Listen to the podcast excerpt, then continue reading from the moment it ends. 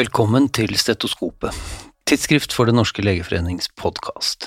Hver annen uke med medisinske redaktører og helseaktuelle gjester i studio, og hver annen uke Redaktørens hjørne, der jeg, Are Brean, sjefredaktør i tidsskriftet, gir deg en høyst subjektiv gjennomgang av de nyeste forskningsartiklene, sakene og debattene i de største internasjonale generellmedisinske tidsskriftene. Denne sommerutgaven du nå hører, er eh, samtidig et aldri så lite jubileum, dette er nemlig den 50. episoden av Redaktørens hjørne. Eller, for å si det på en annen måte, den 50. gangen jeg har lest de største generellmedisinske tidsskriftene og gir deg en oppsummering, slik at du slipper å lese selv. Og siden vi først snakker om å lese, kan vi jo begynne der, nemlig med kritisk å lese gjennom andres forskning før den blir publisert. Fagfellevurdering kalles det, eller peer review, og det er som kjent en helt essensiell del av den vitenskapelige kvalitetssikringen. I praksis er det i mange tidsskrift ofte fagfellevurdererne mer enn redaksjonen som bestemmer hvorvidt en artikkel skal bli refusert eller akseptert. Da blir det viktig å ha de rette fagfellevurdererne, og det blir viktig å ha et variert utvalg av dem.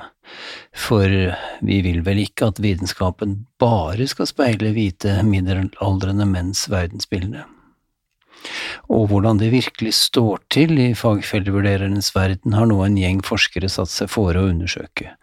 De har analysert over 250 000 invitasjoner til å fagfellevurdere manus, innsendt mellom 2018 og 2021 til 19 ulike vitenskapelige tidsskrift, alle eid av BMJ.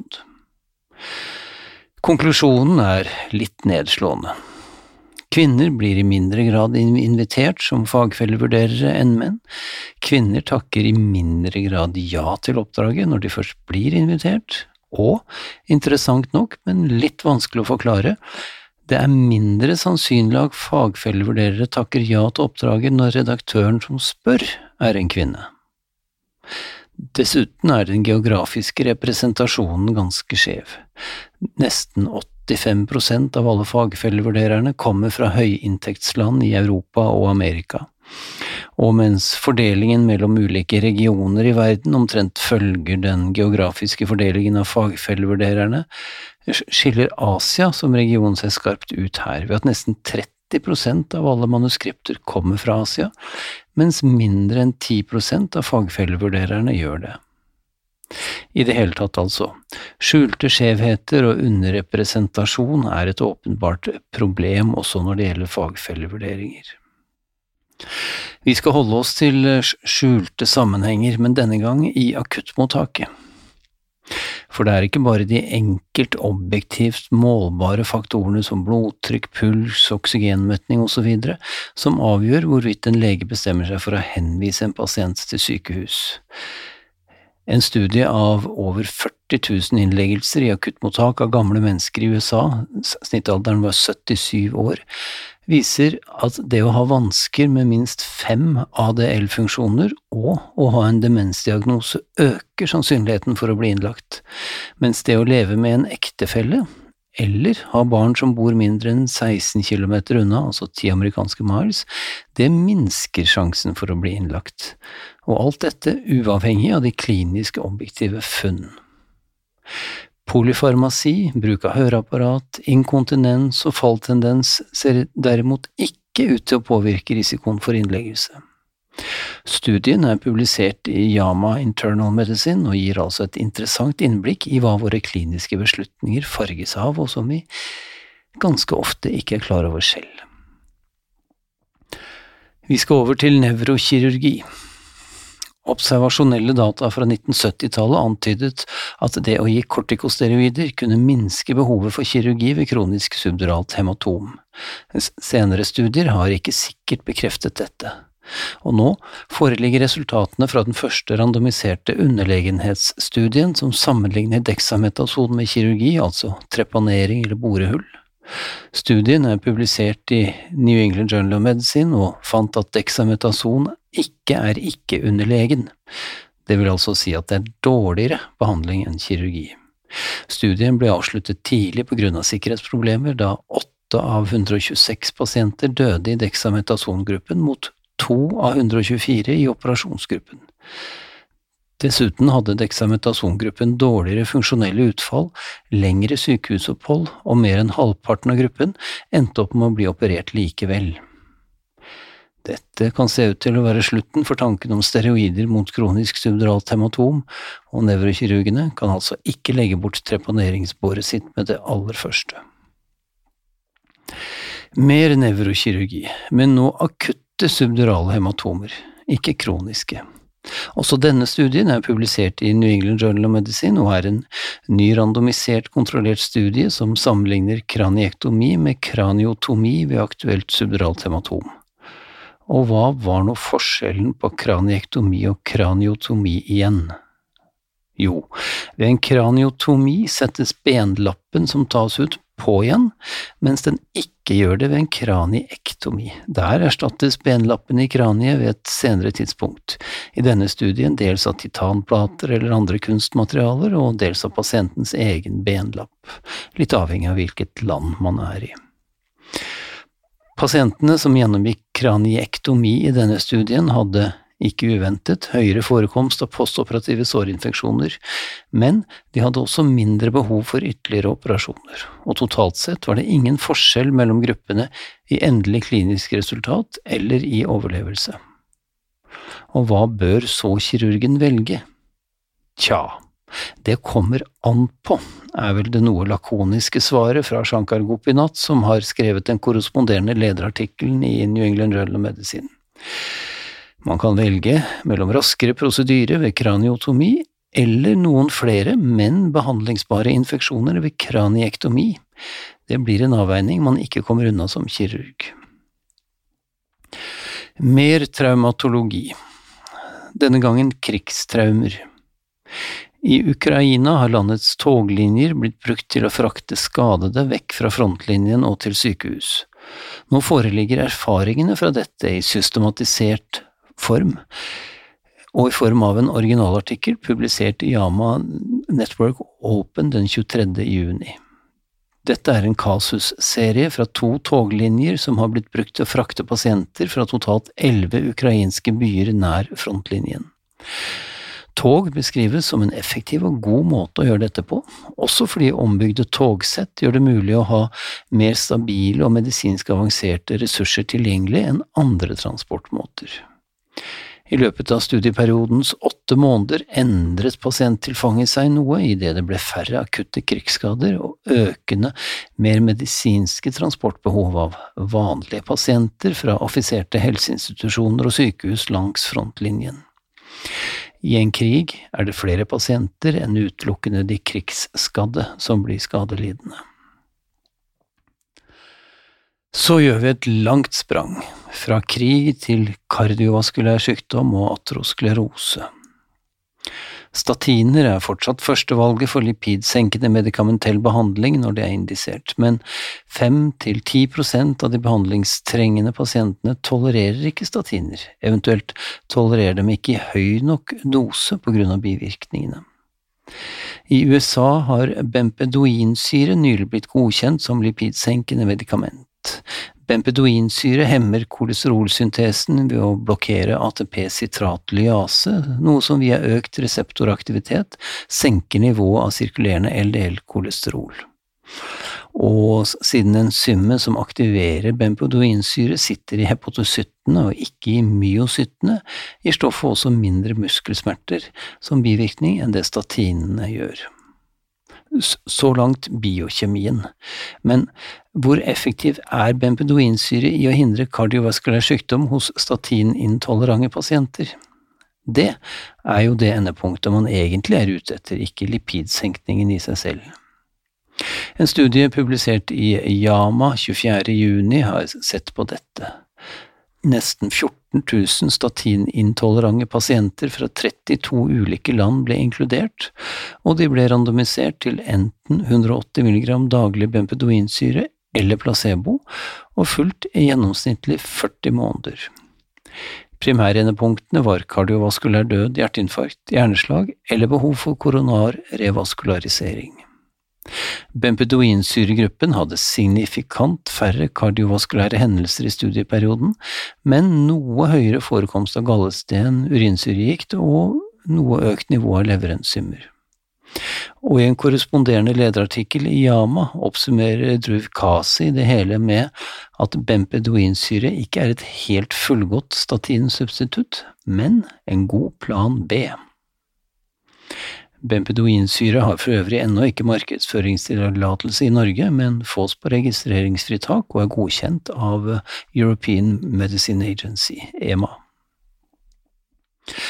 Vi skal tilbake til British Medical Journal, som denne uken er opptatt av at Paolo Macchiarini, skandalekirurgen som lurte en hel verden, for noen dager siden ble dømt i en svensk rettssak til 30 måneders fengsel.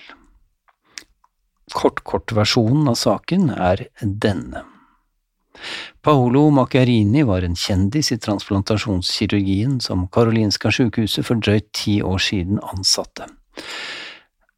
Allerede da lød alarmklokkene fra fagmiljøet, men ledelsen på Karolinska, selveste nobelprisen i medisin sin hjemmeinstitusjon, ja, ledelsen var så blindt og døvt begeistret for denne hypp hyperpubliserende, karismatiske kirurgstjernen at de ga ham både jobb og frie hender til å drive sin eksperimenterende metode for transplantasjon av trakea. Resultatet var dødelig for pasientene, og det er det han nå er dømt for. Men etter hvert ble det ganske giftig også for institusjonen, for Macchiarini hadde løyet og bedratt en hel verden med sine fantastiske påståtte resultater, som stort sett var oppdiktet sprøyt. Og det en gang så stolte Karolinska kalles nå mange forskningsetikkens Tsjernobyl, og mange toppledere på Karolinska har måttet gå fra sine stillinger. Saken etterlater fortsatt mange ubesvarte spørsmål. Hvorfor, spør blant andre BMJs sjefredaktør Kamran Abbasi seg, hvorfor er denne skandalen bare konsentrert om Karolinska? Macchiarini har jo arbeidet på mange andre sykehus rundt i verden før han kom dit, og det er dokumentert at han i alle fall har operert 17 flere pasienter enn de tre han er dømt for i Sverige. Han har operert pasienter dokumentert på sykehus i Spania, Italia, Russland, England og USA. Alle disse pasientene er nå døde, og ingen av dem fikk det de ble lovet, et nytt og fungerende luftrør. Dette handler også om institusjonell prestisje, og mye tyder på at berømte institusjoner i de ovennevnte landene har vært flinkere til å legge lokk på saken for å unngå omdømmetap enn det Karolinska har gjort. Forsknings- og behandlingsetikk på billigsalg, altså. Kanskje ikke helt overraskende. Heller ikke tidsskriftene som har vært involvert i saken, særlig The Lancet, bør få slippe unna. Tregheten og uvilligheten til å trekke tilbake Macchiarinis artikler basert på hans operasjonsresultater har vært påfallende. En artikkel han publiserte i The Lancet i 2008 er dokumentert at det er bygget på løgn. Dette har sykehuset gjort tidsskriftet oppmerksom på i mange år, og først nå, i 2023, og etter at Committee of Publication Ethics, COPE, har presset på, har The Lancet gått ut med en halvhjertet expression of concern angående denne artikkelen, som fortsatt ikke er trukket tilbake. Og The Lancet var også svært trege med å trekke tilbake artiklene bygget på resultatene hans fra Karolinska. Mye i denne saken tyder på at Lancet, og også et par andre involverte tidsskrifter, er mer opptatt av å bevare sin prestisje enn å korrigere forskningslitteraturen for løgn og bedrag. Mer forskningsetikk. Denne gang en medisinsk nyhet med store forskningsetiske implikasjoner.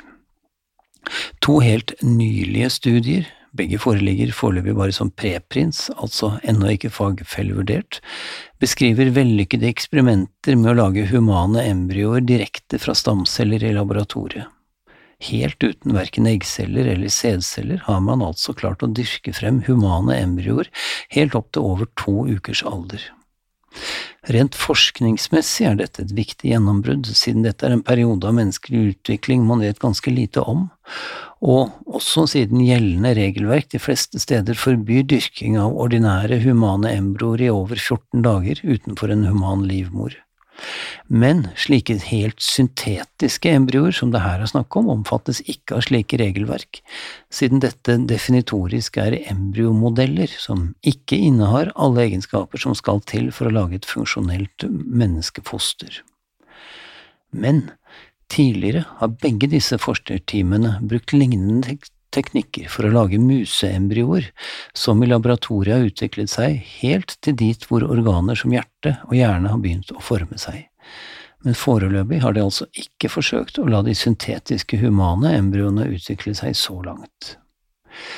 Etisk åpner selvsagt et slik gjennombrudd oseaner av eh, etiske problemstillinger, noe som har ført til at både Nature og BMJ skriver om saken denne uken, til tross for at studiene altså ennå ikke er ordentlig fagfellevurdert og publisert. Dette får vi nok høre mer om senere. Vi skal gjøre nok et langt hopp, denne gang til pubertetsblokkerende hormonbehandling for personer under 18 år, en behandling som det nå vurderes om i Norge skal bli klassifisert som utprøvende behandling, og dermed altså flyttes til spesialisthelsetjenesten og til forskning.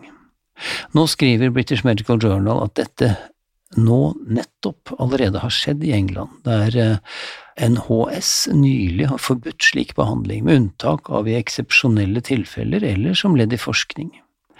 Det er mangelen på sikkerhetsdata og dokumentert effekt av behandlingen som er bakgrunnen for dette vedtaket i NHS, og så gjenstår det å se hva det norske helsedirektoratet lander på i den vurderingen som er i gang her i landet. Helt til sist i dag skal vi snakke om eh, sommerstemmen din. For toneleie, det som i musikken kalles pitch, toneleie til menneskelige stemmer er forbausende ulikt. Noen av oss snakker svært dypt, som en brummende bjørn, mens andre snakker veldig, veldig lyst, som en pikkolofløyte i øverste register og toneleie, det er noe av måten vi gjenkjenner og skiller ulike personers stemmer fra hverandre på. Dette går ofte i arv, du låter som din far i stemmen, sier vi. Mye av variasjonen i toneleie skyldes faktorer som kroppsstørrelse og hormonell påvirkning. Det er hovedsakelig av disse grunner at kvinnestemmer tenderer til å ligge lysere enn mannsstemmer. Men en annen viktig faktor er genetikk. Nå har islandske forskere funnet en genvariant som former stemmens toneleie, helt uavhengig av kjønn. Det er eh, tidsskriftet Nature som skriver om dette, basert på en studie publisert i tidsskriftet Science Advances. Forskerne gjorde lydopptak av stemmen til 13 000 islendere. De analyserte frekvensfordelingen til hver enkelt stemme, altså pitch, og sammenlignet dette med den genetiske databasen.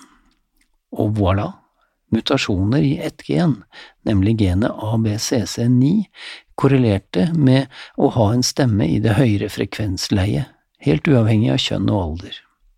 Sammenhengen går sannsynligvis gjennom dette genets innvirkning på funksjonen til kollagen og elastin, som påvirker stemmebåndenes elastisitet. Det forklarer også hvorfor personer med denne genvarianten har høyere pulstrykk, siden elastin og kollagen også påvirker blodårenes elastisitet. Sannsynligvis er dette bare begynnelsen på kunnskapen om hvordan ulike genvarianter påvirker stemmen vår, og hvorfor stemmesignaturen har en tendens til å gå i arv. Riktig god sommer, så høres vi i august.